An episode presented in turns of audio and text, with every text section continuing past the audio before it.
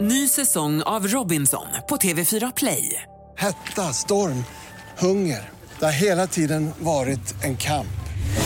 Nu är det blod och tårar. Fan händer just nu. Det. är Detta är inte okej. Robinson 2024, nu fucking kör vi! Streama söndag på TV4 Play. Tryck på knappen. Den är redan Kär- tryckt på. Alltså, är vi rullandes? Mm, vi rullar.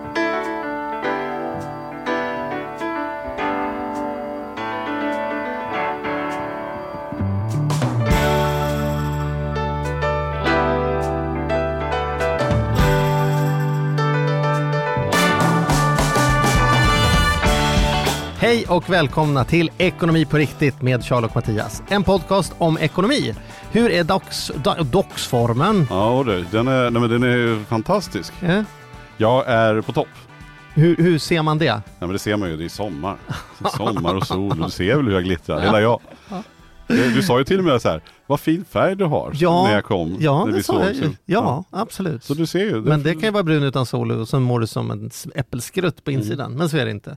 Men vi har ju en, eh, vi ska ju, idag ska vi verkligen gå ner på ekonomins grunder och den, det, våran sköna expert som är med oss idag Ja, kom med lösskägg på sin motorcykel. Arturo, det här får du förklara innan vi kör igång detta. Kan du inte berätta?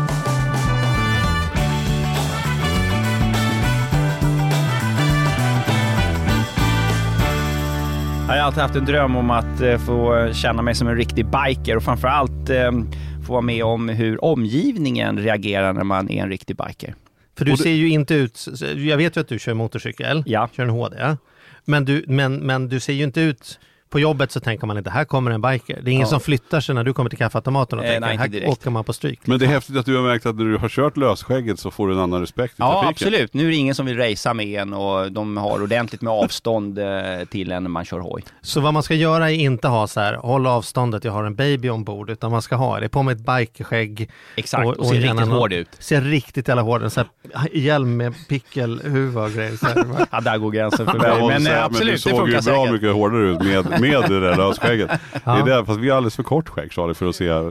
Så du får bikerskägg då måste vi spara mycket Ja, okej. Ja, och Ja. kanske plocka bort lite på sidan, jag vet inte. Ja. Mm.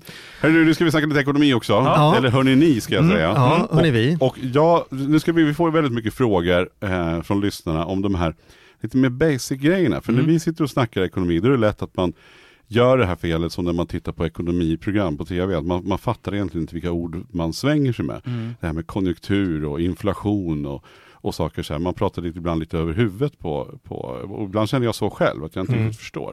Så jag tänkte att vi skulle passa på nu, med din erfarenhet, Ja. att vi skulle liksom bara här, ta lite ekonomins grunder. Ja. Och vi hör om 90-talet och, Mm. och vi hör om det som hände och börsens fall i början på 20-talet. Alltså sådär. Mm. Vad betyder det? Och jag tänker också, nu, nu när, liksom inför valet här så pratar ju alla om så fort man hör någonting med, med sossarna då säger de ju alltid Jo jo men det var under de här, de här borgerliga åren då förstördes alltihop. Mm. Och pratar man om borgerliga då säger de jo jo men det är så lätt för dem nu då när det är högkonjunktur att det går så bra. Mm. Så vad betyder allt det här tänker jag? Mm.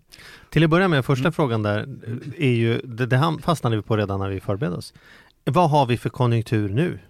Det går väldigt bra, inte minst för Sverige. Ja. Eh, Och Sverige har gått bra nu under en viss, eh, ganska lång tid. Så Ska det här- säga. Här under en viss vi tid, utan ganska lång tid. Ja, det här är vad jag skulle kalla en högkonjunktur. Och eh, Finns det något sätt som man kan säga så här? ja, definitionsmässigt så kan man titta på den ekonomiska tillväxten i form av BNP-tillväxt till exempel. Och den ligger på ungefär drygt 3% idag. Och Vad det är BNP nu då? Så att, Eh, bruttonationalprodukten. Mm. Och den, jag tror att den totala summan för bruttonationalprodukten om man räknar ihop den är ungefär 4 000 miljarder. Det kanske inte säger lyssnarna sådär jättemycket men det är i relation till statsbudgeten som ligger på 920 miljarder eh, så, eh, ja, som har fått en relation då. Men BNP-tillväxten det är summan av värdet av alla varor och tjänster som produceras under ett år Mm. i Sverige. Så allt vi gör i landet? Allt vi gör i landet. Så lägger man ihop alla fakturer, eller liksom om man skulle lägga ihop alla fakturer. värdet av allting. Värdet av allt. Ja. Då säger man att den är så här många procent högre, det värdet i I år jämfört med förra jämfört året. med förra året. Ja. Mm. Så det går bra för Sverige eh, historiskt men också jämfört med andra länder. Och det är ju många faktorer bakom det. Vi ska också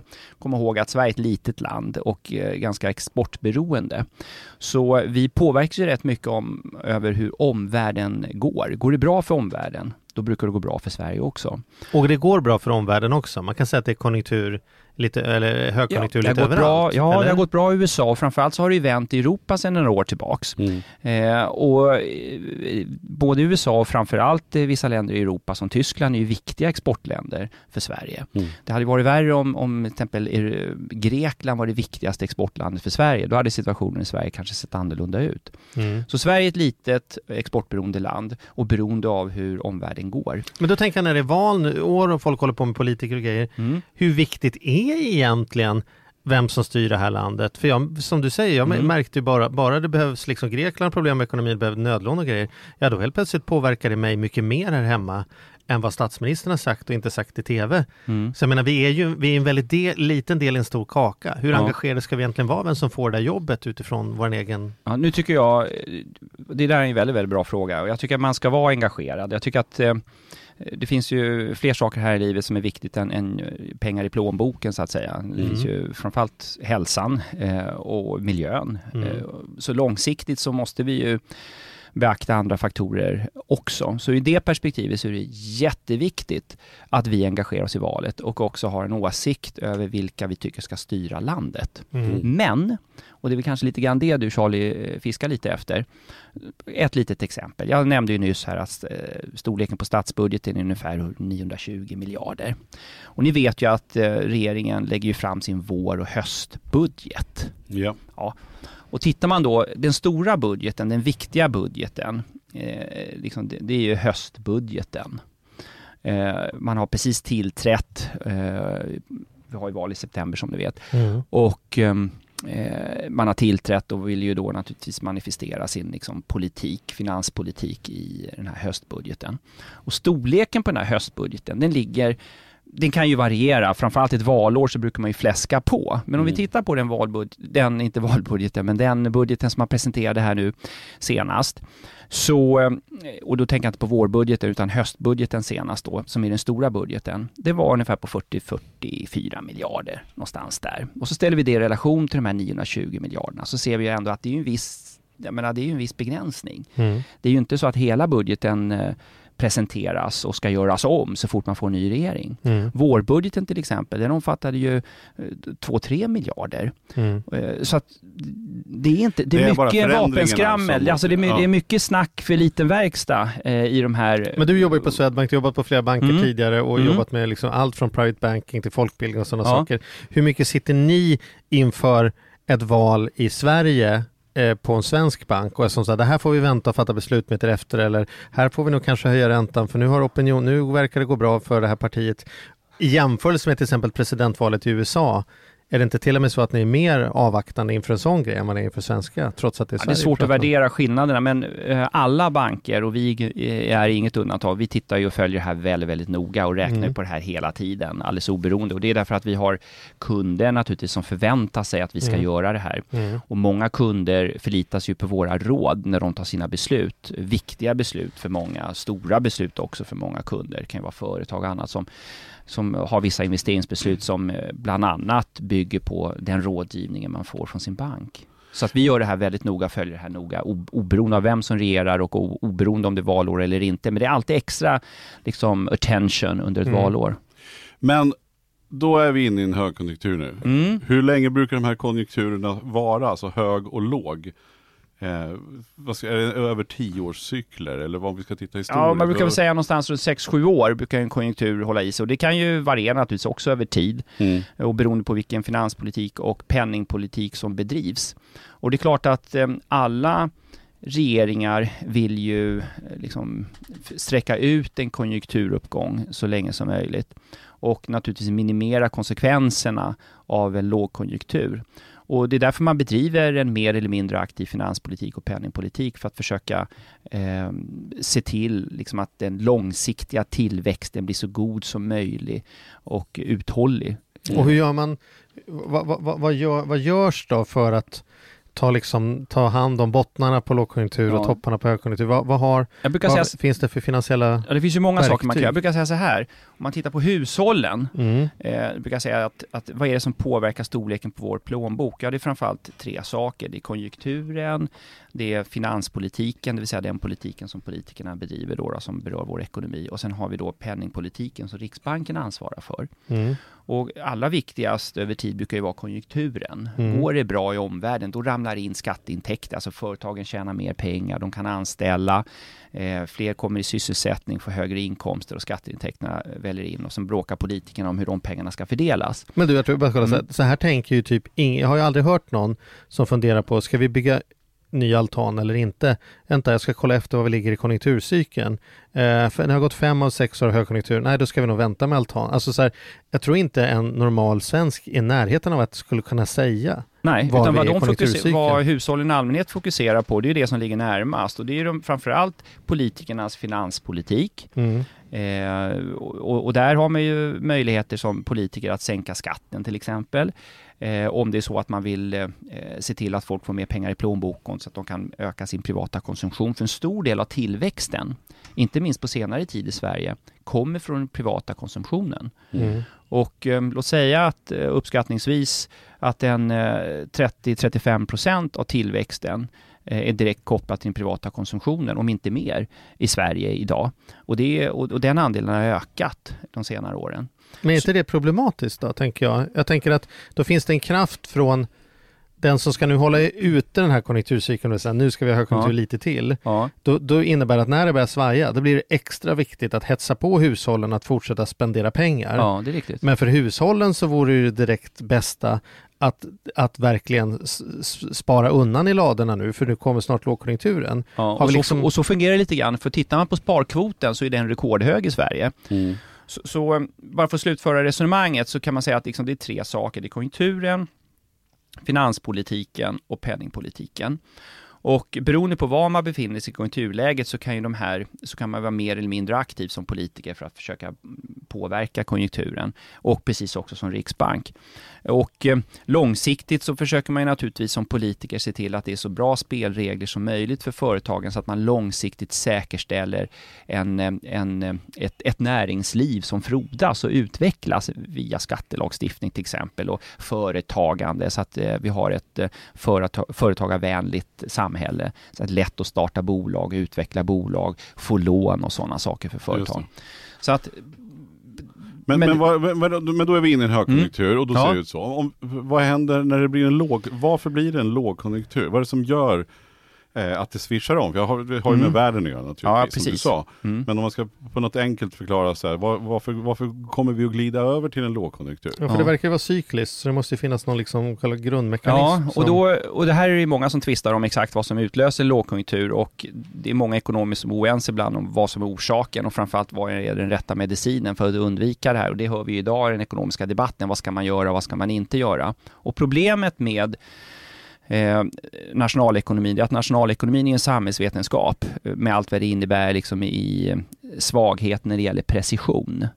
Eh, Det är inte så att det är en exakt vetenskap där man exakt kan säga att om vi vidtar den här åtgärden så vet vi exakt vilken effekt det blir. Det är inte som naturvetenskap med grundämnen och Nej, gravitation det är, liksom, och det är lite enklare där. Mm. Eh, och med all respekt för alla fysiker då, som eh, forskar kring de här sakerna. Det är mer komplext och det är så många variabler som påverkas. Man brukar prata om interdependens. Allting är beroende av allting annat. Mm. Så ändrar man på en parameter, låt säga fastighetsavgiften, så påverkas även andra faktorer direkt eller indirekt. Så att om man vidtar en åtgärd så behöver man oftast göra flera andra åtgärder för att uppnå liksom den önskade effekten. Mm. Och, och ju fler variabler stoppar in, ju fler människor som har åsikter om det är rätt eller fel. Ta amorteringskravet vi pratade om tidigare, samma Mm. sak där va. Är det rätt medicin? Ja, det är olika åsikter om det bland Ja, det. massa ekonomer. Mm. Och många tycker att man borde gjort någonting annat och flera andra saker istället och så vidare. Det är ett exempel på hur komplext det är. Men- In, men- inflation då skulle jag vilja Mm, prata Vänta, om. vi måste du hänga en kvar fråga till. konjunkturcykeln då. Mm. Så, och hur påverkar det här mig som privatperson? Mm. När du säger att det viktigaste är konjunkturcykeln, hur, hur kan jag som lyssnar på detta liksom känna igen då och börja räkna på och inse att vi rimligtvis inte borde ha mer än två år kvar eller vad man ska säga Mm, av mm. högkonjunktur. Hur, hur ska jag bete mig? Hur, hur, är du Ja, i med? Om, om, jag, om jag får en väderprognos, då Ja. fattar jag. Regnar det imorgon, då Mm. ska jag ha en jacka på mig. Ja. Här är det lite klurigare tänker jag att veta. Hur ska jag, hur ska jag förhålla mig till konjunkturcykeln? Om jag kan Mm. vara lite street smart här. Ja, men i, eh, klassiskt i, sent eh, i en konjunktur så ser vi oftast att liksom inflationen tar fart. Eh, där är vi ju inte riktigt idag. Men inflationen tar fart, eh, lönerna stiger eh, liksom snabbare än vad produktivitetsutvecklingen i industrin eh, motsvarar. För att ta ett annat exempel. Det uppstår flaskhalsar, brist på arbetskraft till exempel. Och, och det är, vilket påskyndar ytterligare då att priserna stiger idag. snabbare. Brist på arbetskraft har vi kommit till. i Ja, fall, i vissa områden har vi det. Men Mm. sen har vi andra effekter då som gör att priserna ändå inte stiger på samma sätt som de kanske har gjort för 20 år sedan i Mm. samma situation. Och eh, det exemplet, tillgångspriserna stiger, liksom för bo- bolagen visar bra vinster så då ökar ju börsen i värde. Eh, bostadspriserna stiger till exempel för att folk Mm. har gott om pengar. Eh, och här har man också dessutom under lång tid försökt att stimulera tillväxten genom att sänka priset på pengar, nämligen räntan. Och då har det blivit billigare att låna och så har priserna på bostäder gått upp väldigt, väldigt mycket. Men, men då, förlåt, jag bara snabb Ja. mellanfråga. Varför stimulerar vi så himla hårt tillväxten om vi redan har högkonjunktur? Det, skulle vi inte göra precis tvärtom? Skulle Ja. det inte nu vi skulle lägga undan och, och liksom så höja räntan och säga hopp, hopp, hopp, ta det lugnt nu, se till alltså, Ja. Och, det är, och det är en fråga som många eh, diskuterar just nu då, och många som har en åsikt kring. Men då ska vi inte glömma bort att Riksbanken är självständiga och deras överordnade mål är inflationen. Mm. Deras mål är att få upp inflationen till 2 Men det och då- verkar ju inte funka alls. Och då, verkar de, och då använder de de verktygen de har eh, för att få upp inflationen. Därför att det är deras överordnade Och mål. ska vi då ta snabbt, vad inflationen är inflation? Mm. Ja, det är den allmänna prisuppgången eller prisförändringen. Eh, och den mäter man då eh, regelbundet eh, och följer upp då vad till exempel konsumentprodukter kostar och över tid. Och stiger då inflationen med, eller priserna då med, eh, låt säga 2-3 procent så betyder det att allt annat lika då, att varorna har blivit dyrare. Eh, samtidigt så, Så man tittar man ju på vad inflationen för löner också har varit. Just det, men det ska hela tiden vara en tillväxt ju på inflation. Alla våra pengar, ska alltså har man pengar i januari så ska inte de räcka till lika mycket. De ska räcka till... Nej, en krona eh, idag kommer inte vara värt lika mycket som en krona om ett år. Riksbankens mål är att den ska vara värt 98 öre. Eh, Och så, så, Ja, precis. jag tror att jag såg någon räkning på, om man räknar på inflation de senaste 100 åren så har 97 procent av, av värdet på en hundralapp försvunnit på 100 år. Ja. I ren inflation. Sen får man ju skilja på nominell eh, löneutveckling och real löneutveckling. Och eh, många duktiga ekonomer har ju tittat på det där, liksom varför just 2% varför inte en eller tre? Mm. Och det är just därför att många har ju räknat ut att eh, vill man ha en uthållig tillväxt i ekonomin, en stabil och god eh, sysselsättning och låg arbetslöshet, så har det visat sig att ett inflationsmål på 2% är det som förenar de här önskemålen om andra effekter som god sysselsättning, låg arbetslöshet och god ekonomisk tillväxt. Men varför blir det bättre om, om saker tappar i värde? Varför skulle man inte bara kunna ha att det hade noll inflation och istället sänkte tillväxtmålen med de där två procenten? Ja, får skilja på begreppet inflation och tappat i värde också. Eh, det nominella, vad man pratar om att man vill få upp inflationen med till 2% är att man vill att en vara som kostar 100 kronor idag ska kosta 102 kronor. Men om man samtidigt med den penningpolitiken kan bidra till att fler kommer i arbete och att flera löntagare får en god realinkomstutveckling, då är det inget problem med att betala 102 kronor för den här varan efter ett år. Därför att du har fått eh, 3 kronor mer i plånboken, Mm. vilket räcker för att betala den här varan som blivit 2 kronor dyrare. Så du får ytterligare en krona över till annan konsumtion. Det vill säga, du har fått det helt enkelt bättre. Och tittar man tillbaks eh, bland hushållen, 15 år tillbaks i tiden, så har det visat sig att hushållen har fått 40% mer i plånboken. Mm. Så så himla illa har ju inte den här penningpolitiken varit. Med facit i hand. Sen kanske den hade blivit- varit bättre om man haft en annan penningpolitik, men liksom det är Men lätt att sitta med- på läktaren och kritisera Riksbanken, men, men eh, det finns ju de som tycker att de har gjort ett bra jobb också, inte bara de som tycker att de gör ett dåligt jobb. Nej, men jag Men- menar mer ur, ur, ur frågan på någon sån här nivå som... som... Åh, nej, jag tappade. Men, men ligger det i linje med resten av Europa och världen? Att man, man, Ja, vill, man vill ha samma jättebra. sorts infla, fl- inflation? Har man samma idéer i... Vi får komma ihåg att vår riksbank det är en liten riksbank. Sverige är ett litet land. Mm. Eh, Vi har en liten valutareserv, det är en liten riksbank. Eh, deras möjlighet att agera helt annorlunda jämfört med omvärlden är ju begränsad och framförallt med tanke på hur det ser ut. Vi har euron, vi har en eh, ECB, Europeiska centralbanken, som är betydligt väsentligt större och har helt andra muskler än vad vi har. Det är klart att beroende på vilken penningpolitik som, som eh, ECB bedriver så klart påverkar ju det eh, förhand- eh, som handlingsutrymmet Mm. för våran riksbank att agera.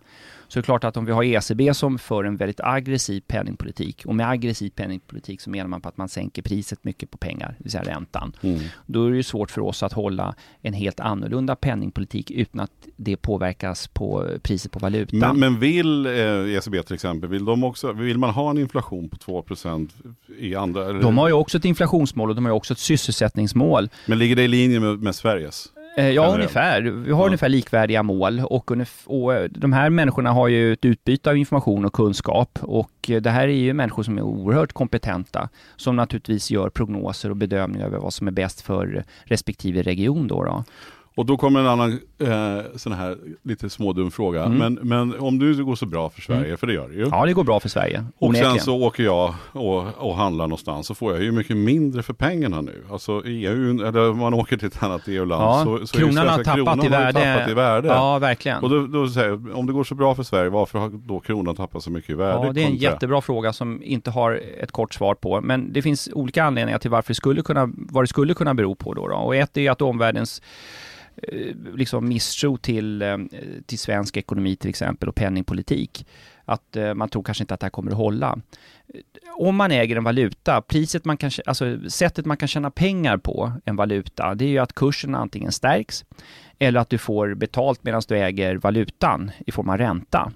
Och det är klart att här har ju kursen gått ner och det kan ju vara för att man tror att kanske kronan kommer att försvagas beroende på många saker. Ett är att man tror inte att Sverige kommer att fortsätta utvecklas lika starkt som det har gjort tidigare. En annan är att man kanske är orolig på vad som händer på bostadsmarknaden.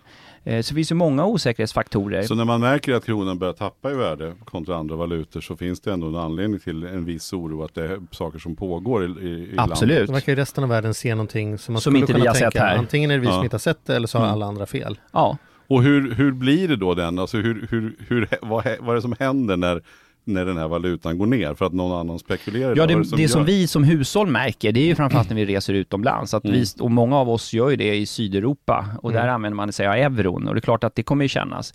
De som åker till Storbritannien kommer ju också märka det. När man åker till England, till London till exempel och shoppar så kommer man upptäcka att Jesus Christ, här är 10-15% dyrare än, än vad det var för Ja, ett år sedan. men vad är det som händer när det händer? Vad är det som eh, liksom... Ja, alltså vi blir fattigare. Ja. Tappar kronan i värde så blir vi alla i Sverige fattigare. Mm. Sen är det en sanning med viss modifikation därför att eh, saker och ting kostar dyrare eller kostar mer. Men om vi under samma period, för, tack vare en svagare krona till exempel, har haft en, en fantastisk period bland de svenska exportföretagen då, vars varor upplevs som mycket billigare och får sälja till helt andra volymer än tidigare. För när det blir dyrare för oss att köpa sangria i Spanien blir Ja. det billigare för andra länder att köpa Svenska produkter och tjänster. i, i Sverige. Ja. Ja. Så då går exportföretagen väldigt, väldigt bra och om de då sysselsätter en massa människor som tidigare var arbetslösa och de eh, får en bättre ekonomi och dessutom bidrar med mer pengar in i, i skatt, statliga skattekistan, ja så kanske inte det är så dåligt i slutändan för Sverige i varje fall. Så det där är många som tvistar om, om det är bra eller dåligt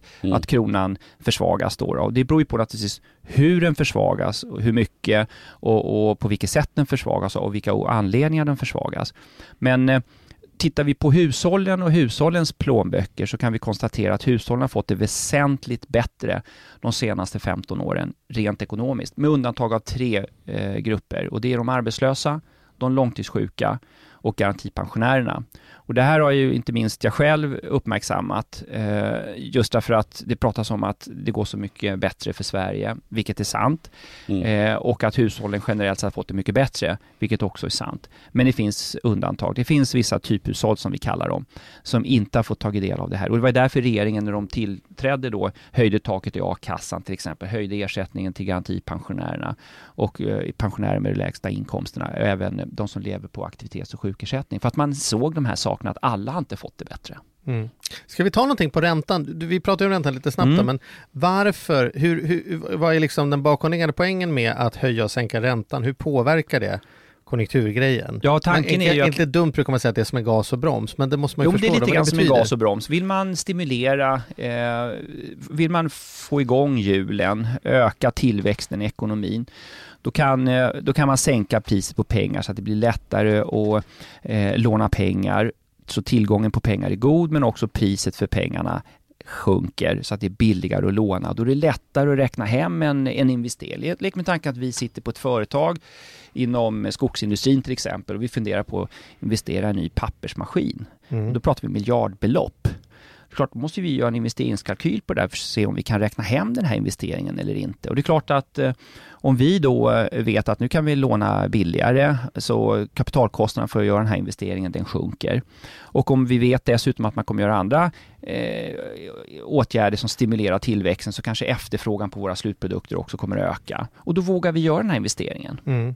Och därför sker sådana här investeringar och därför sker sådana här stimulanser för att man vill påverka eh, tillväxten i ekonomin. Och för privatpersoner blir det typ samma sak på sätt och vis. Att Ja. om, om, om räntan är väldigt låg, då, då när jag ska välja, ska jag sätta undan de här pengarna på sparkontot eller göra om trädäcket på altanen, då är det så här, "Äh, det blir ingen, ingenting av de pengarna då. Vi har inga 0 ränta. Mm. Jag byter trädäck istället. Jag kan till och med låna pengar till trädäcket för de får jag låna gratis. Och så håller vi igång konsumtionen Ja. i Sverige. Va? Typ så. P- Till exempel. Och sen höjer man räntan, pa, pa, pa, då blir det mer lönsamt att spara och mer dumt att låna och helt plötsligt börjar folk Mm. spara och amortera. Sen är det en tröghet i det här. Det här är ju ett, lite grann som du tar upp i, i teorin. Mm. Och i praktiken så är det lite mer trögrörligt för vi reagerar inte som hushåll lika, effekt, lika snabbt. Nej. Nu tror jag i och för sig att eh, penningpolitiken kommer påverka hushållen snabbare i och med att väldigt många har mycket lån idag Mm. eh, och väldigt många har rörlig ränta. Eh, effekt, om vi alla hade bundna ränta på, räntor på 10 år på våra bolån, då skulle det ju ske med viss fördröjning naturligtvis innan penningpolitiken slår fullt ut. Så eh, det är alltid en viss fördröjning. Sen är det ju så här då att att eh, när vi ser en god löneutveckling till exempel, det vi inte vill som hushåll, det är att det är bara luft i lönekuvertet. Det vill säga att får vi 5% mer i lön, men så visar sig att inflationen är 6%, ja då har vi ju förlorat i köpkraft. Mm. Så att det är ju viktigt också att eh, den här eh, inflationen och eh, löneutvecklingen och tillväxten i ekonomin utvecklas på sånt sätt att det slutar med att vi får mer pengar realt i plånboken. Just det. Men sen pratar vi också, precis, apropå räntan här nu då, så, så säger ju alla så det är inte frågan om om, om räntan ska höjas utan det är bara frågan om när. Och så Ja, det är väl den allmänna uppfattningen. Ja, och då, då tänker jag också så här, vad var det som hände då på, på 90-talet? Alla, alla som var med då, man Ja. säger så, ni fattar inte, de som satt med lån, då bara, bara small till och det Mm. höll på. Vad var det som hände? Ja, eh, på 90-talet så hade vi staten väldigt, väldigt mycket lån. Skuldsättningen var väldigt, väldigt hög. Och eh, vi hade på den tiden också eh, fa- en fastighetskris där eh, priserna på fastighetsmarknaden föll väldigt, väldigt mycket. Vilket eh, spridde sig då till bankerna och banker gjorde väldigt stora förluster. Det var vissa banker också som gick omkull. Och eh, i slutändan så är ju så är det så att banker behövs i ett samhälle. Det är en samhällsviktig funktion och någonting som i slutändan hamnade på, på skattebetalarnas liksom, bord Mm. att betala. Och det här var ju någonting som eh, den sittande regeringen då fick eh, ta tag i, att sanera ekonomin helt enkelt. Bland de här eh, fastighetsbolagen, banker som behövde nödlån och krediter för att kunna klara av de här kreditförlusterna. Och eh, då behövde man strama åt för att kunna eh, få in de här pengarna. För även en finansminister måste ju se till att plus och minus går runt, eller går ihop. Men det var ju här hysteriska räntor då. ju. Det var hysteriska räntor. Jag vet själv som ordförande i bostadsrättsföreningar på den tiden att eh, det var folk som hade lån på både 14 och 15 procent. Jag tror det 18 procent var nog det högsta. Mm. Och vad, man, och vad man också gjorde då från regeringens sida, det var ju att man försökte ju naturligtvis öka sina skatteintäkter där det gick eh, och man försökte också skära kostnader. Och en stor utgift som man hade på den tiden, det var de här statligt garanterade bo, eh, eh, bostadslånen som man hade gett till bostadsrättsföreningarna. Och på den tiden så oberoende av vad räntan var så garanterar man räntan. Jag tror att den var garanterad till 2,35 år ett. Och sen trappades den där räntan upp med 0,25 procent varje år. Och eh, det där kostade ju För att, in, för att se till att, eh, liksom. precis, för att stimulera till byggande och Mm. att de som flyttade in i nybyggda bostadsrättsföreningar hade en, en låg månadsavgift. Mm. Men det där kostade ju för mycket, så vad man gjorde då, det var att man höjde takten i den här upptrappningen. Och sen gjorde man bland annat, just vid de här tillfällena, en engångshöjning på nästan 1%. Och det där eh, innebar ju att många föreningar fick höja sina månadsavgifter kraftigt. Många blev av med sina jobb, många blev arbetslösa, inte minst inom byggindustrin. Eh, som naturligtvis då på grund av lägre byggande då var tvungen att säga upp folk. Så arbetslösheten steg kraftigt och eh, räntorna framför allt steg väldigt, väldigt kraftigt. Och eh, den som var med på den tiden vet värdet av att inte ha en för hög skuldsättning och för hög räntekänslighet. Jag är en av dem. Ja, precis. Och historiskt också sen då, jag menar, som, som börsen då som, som, stör, som rasade i början på 2000-talet. 50-60 procent eller Ja. någonting sånt där. Under tre år, Ja, ja. ja precis. Och vad, Varför gör den det? varför gör den det? Vad, vad är det som händer då? Ja, börsen var ju väldigt högt värderad och det fanns ju aktier som var extremt högt värderade, som man betalade både 40-50 gånger års, årsvinsten. För man Normalt- trodde att de skulle fortsätta Ja, för att man stiga. förväntade sig att eh, vinsterna i bolaget skulle öka så pass mycket att det där på några års sikt skulle bli en normal värdering. En normal värdering på börsen kanske ligger runt to- 12 gånger årsvinsten. Mm. Kan man förstå proportionerna? Så väldigt, väldigt hög eh, värdering för många IT-bolag inte minst. Och eh, den där eh, finansbubblan, den sprack. Eh, och eh, Det funkar så länge alla ja, så är länge, överens om att det här kommer bli det kommer att fortsätta. Alltså, det finns ingen grund för detta i utdelningen men å andra sidan finns det någon som vill köpa de här av mig för ännu mer pengar nästa vecka. Så Ja. jag kan lika gärna hänga på. och många av de här eh, bolagen gav ju ingen utdelning som hade den här höga gud, De värderingen. levde ju på riskkapital bara. Ja, därför att de här bolagen behövde de här vinsterna för tillväxtens skull och då som aktieägare trodde man så mycket på bolaget att eh, man tyckte själv att det är bättre att bolaget får använda de här eh, vinsterna och många redovisar ju dessutom inga vinster på den tiden. Och därav, slut- därav snacket om en bubbla. Till slut Därav det är bara bubbla. luft och Till så slut. Ohållbart. Ja. Till slut är det bara någon pojke som säger men du kejsaren är naken och så Ja. sprider det sig. och sen Då vill man upptäcker alla att kejsaren är naken. Då vill ingen sitta med Svarte Petter, då gäller det att göra Och då säljer man och då vill man sälja fort och alla Ja. tryckte på knappen samtidigt och då föll börsen väldigt, väldigt kraftigt. Och det är klart att då blir det ju stora smällar. Dels eh, naturligtvis den stora effekten för hushållen då, det är att de blir fattigare, kort och gott. Man tittar på eh, sitt, eh, eh, sin depå till exempel på banken och upptäcker att de här fonderna jag hade eller de här aktierna jag hade har tappat mycket i värde. Vad som också händer i en sån situation det är att hushållen blir rädda, håller hårdare i plånboken. Och vad betyder det? Jo, vi konsumerar inte lika mycket. Och om vi då inte konsumerar lika mycket, då är det många, inte minst detaljister till exempel, som säljer kläder, restauranger och andra, som märker att vi har inte alls lika många kunder, lika många besökare, vi tappar intäkter och de får också problem. Men i ett sånt läge då, det kommer också en, en annan fråga som vi har fått som en, en klassisk fråga. När då Sverige har för lite pengar, man inser det här då, liksom, Ja. varför, varför trycker man inte bara upp ett, ett en massa nya mm, miljarder? Varför Därför sätter man inte bara igång sedel? Ja, och vad händer då? Precis, vad skulle hända om man då, om man då tryck upp några miljarder? Ja, Alltså skapa då, pengar. Då, då, liksom. Precis, då ökar ju penningmängden och det är ju mycket vad som sker idag när folk lånar pengar. Eh, så ökar ju penningmängden. Alltså det sker ju massa krediter Mm. eh, som bankerna ger ut och då ökar ju den som, penningmängden. bara så att den som lyssnar för, förstår. När jag Ja. går och lånar 3 miljoner på, på banken för jag ska köpa en lägenhet, Ja. då går ju inte ni till något valv och hämtar dem. Utan Nej. ni skickar ju till staten och säger, eller Riksbanken, hitta på 3 miljoner åt oss tack som vi kan låna av er så att vi kan låna ut dem i våran Ja, det man gör är att banken beviljar de här lånen. Eh, och nu är det ju så att i Sverige så lånas det ut mer pengar än vad bankerna har i pengar själva. Mm. Charlie har pengar på kontot hos banken. Jag är kund på samma bank och behöver låna. Men eh, banken lånar ut mer pengar än vad Charlie har har stoppat in. Så då måste ha- banken själv handla upp de här pengarna. Man säljer till exempel Men bostadsobligationer. är det då som Charles säger, att då, då, då, då säger man till staten, vi, vi behöver ha lite mer pengar här.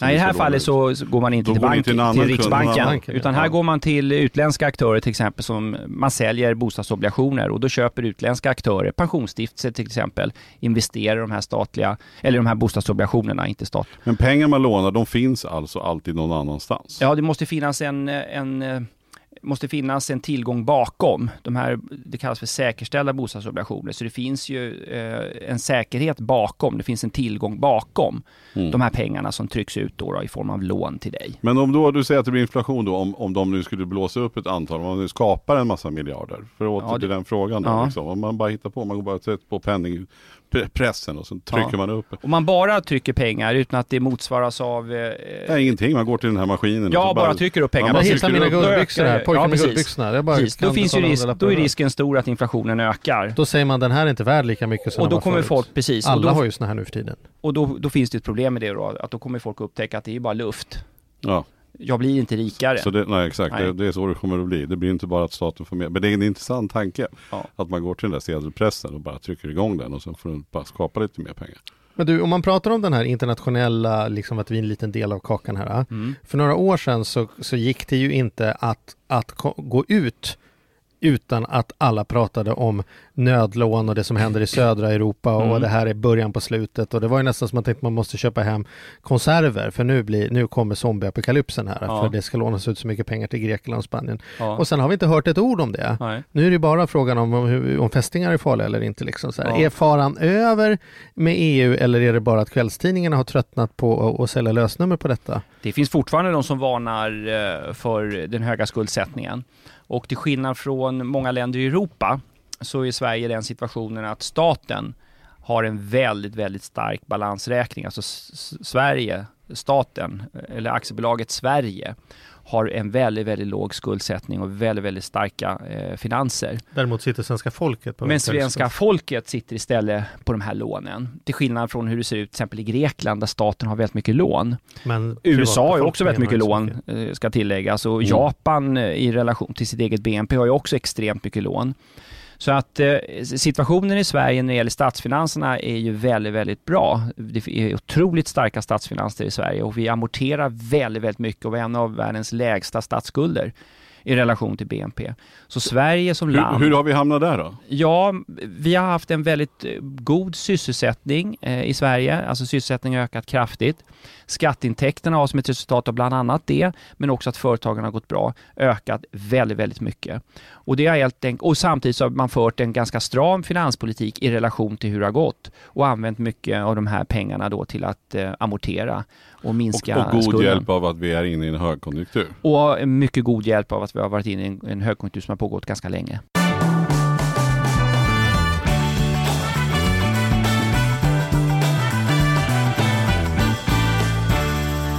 Nu ska vi ta en till lyssnarfråga på detta Ja. då. Mm. Då säger man så här, vi pratar om statsskuld. Mm. Man pratar alltid om statsskuld, man pratar inte om skatt, statstillgång. Ja. Så om alla länder är skyldiga, vem har de lånat dem av då? Om USA har statsskuld och, och, och vi har Ja. statsskuld och Tyskland har statsskuld. När jag lånar pengar så går det ju att knacka på sig. Jag har lånat dem av Arturo här borta. Ja. Vem har alla, vi har ju inte lånat dem av en annan planet liksom. Eh, nej, det har vi inte gjort, utan vi har ju naturligtvis eh, lånat dem av varandra. Så det finns ju länder som har överskott som lånar ut pengar. Kina.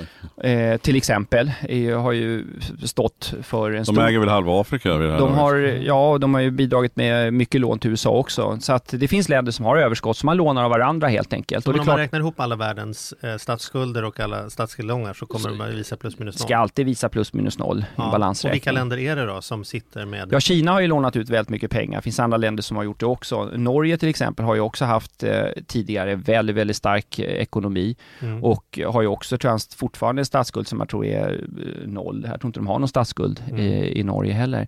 Så att det finns de länder som har eh, väldigt stark ekonomi och som eh, kan låna ut pengar.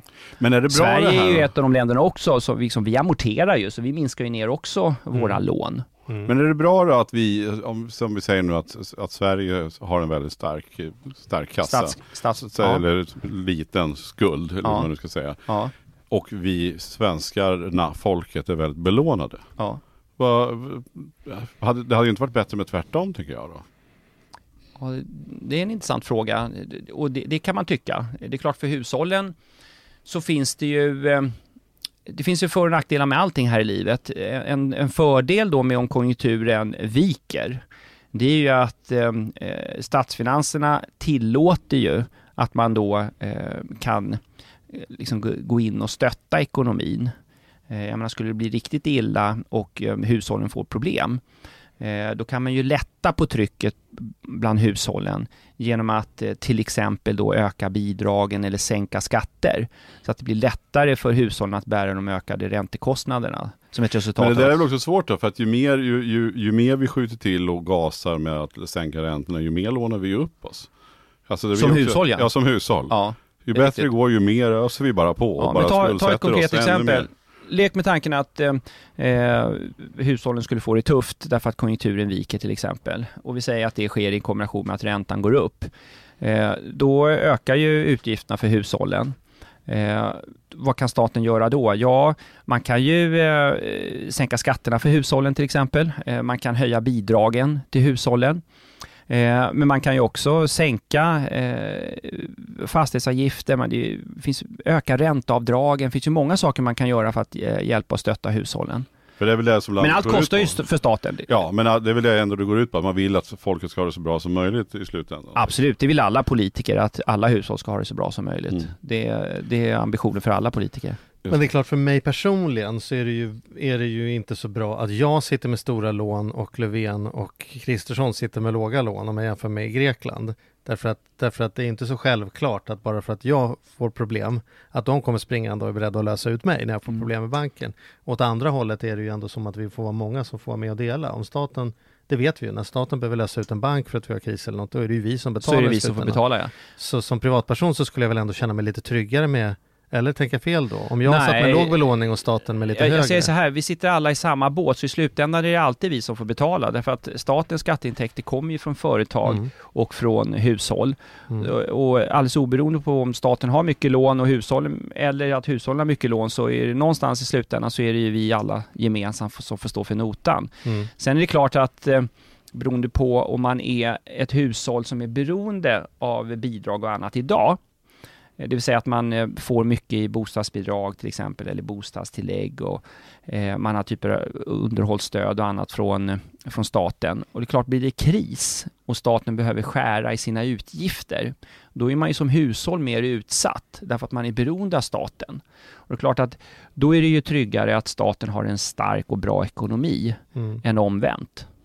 För då ökar ju sannolikheten att man får behålla de här bidragen och eh, de här förmånerna då, då om eh, det skulle krisa sig. Det där tycker jag är klurigt. Det finns ju den där liksom fördelningspolitiska hur man än vänder sig med rumpan bak. Så här, så här, nu, Ja. nu behöver vi satsa på svenska skolan eller vården eller Mm. sådana saker. Och då är man så här, ja men då ska vi inte ta från de som, som har det dåligt, då ska vi ta från de som har det bra. Ja. Å andra sidan om vi måste få upp skatteintäkterna genom att se till, då vill man att de som har det bra fortsätter att investera pengar, köper Precis. nya bolag, startar, jag vill ju helst att han som startade Spotify startar två bolag till, Ja. än att, än att ja, min syrra startar två bolag till. För högst troligen kommer det bli mer skatteintäkter om han gör det. ja. Så det finns ju hela den där Det är det som gör det hela så komplext. liksom, frågan. Det är klart att vi alla ska med och bidra, men om vi Mm. tar allting från de rikaste, då är ju risken att, att de inte har samma incitament att faktiskt se till att tusentals människor kommer i jobb. Mm. Är inte det, det är väl hela vänster och högerfrågan?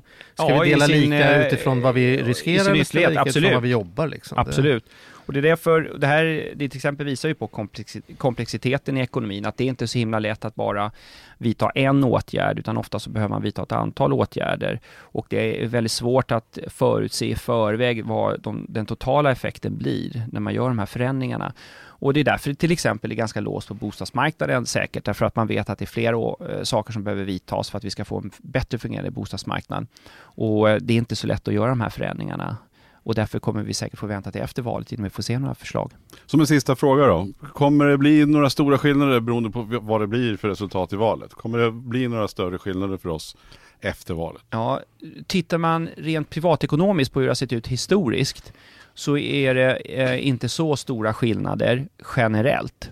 Sen kan det vara vissa grupper som kan påverkas. Eh, det finns eh, vissa politiska partier som kanske eh, vurmar för vissa grupper i samhället och så kanske man riktar vissa finanspolitiska förslag till de här grupperna. Så vissa grupper kan ju påverkas av vilk, eh, i ganska stor utsträckning eh, beroende på vem som sitter i regeringsmakten. Mm. Men om man tittar generellt eh, på hushållen så eh, är det i slutändan ingen jättestor förändring under en mandatperiod ska sägas. Mm. Man hinner inte hin- liksom förändra så mycket på fyra år. Däremot om eh, samma regering sitter i åtta år, då kan det ju bli en, en lite större skillnad. kan det hända grejer. ja, Man gör saker, effekterna kommer sen. ja. Om man inte förstår det, då kan man ju tro att det är jordnötterna man blir full av och inte drinken. För det tar en kvart mellan man dricker drinken och faktiskt blir full. Det är typ det vi pratar ja, om. det är lite det vi pratar om. Ja, ja, Ja, det var ett riktigt... Ja, bra, bra Charlie. ja. Ett jättestort tack Ja, att du själv. kom. Ja, tack så tack själva. jättemycket. Vi har nog blivit lite klokare i grundlig, grundekonomin. ja, men jag va? tycker ändå att vi har tagit ett värdigt grepp om, om liksom lite, lite, vi ska inte säga nationalekonomi för då är det folk som stänger av i ren panik. Men ja, nu är det ju slut så nu kan ni göra det. Ja, bra, gör det.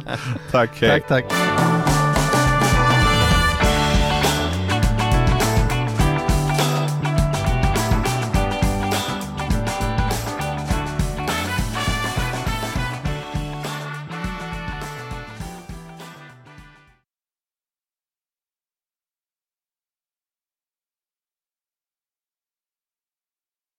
Ny säsong av Robinson på TV4 Play. Hetta, storm, hunger.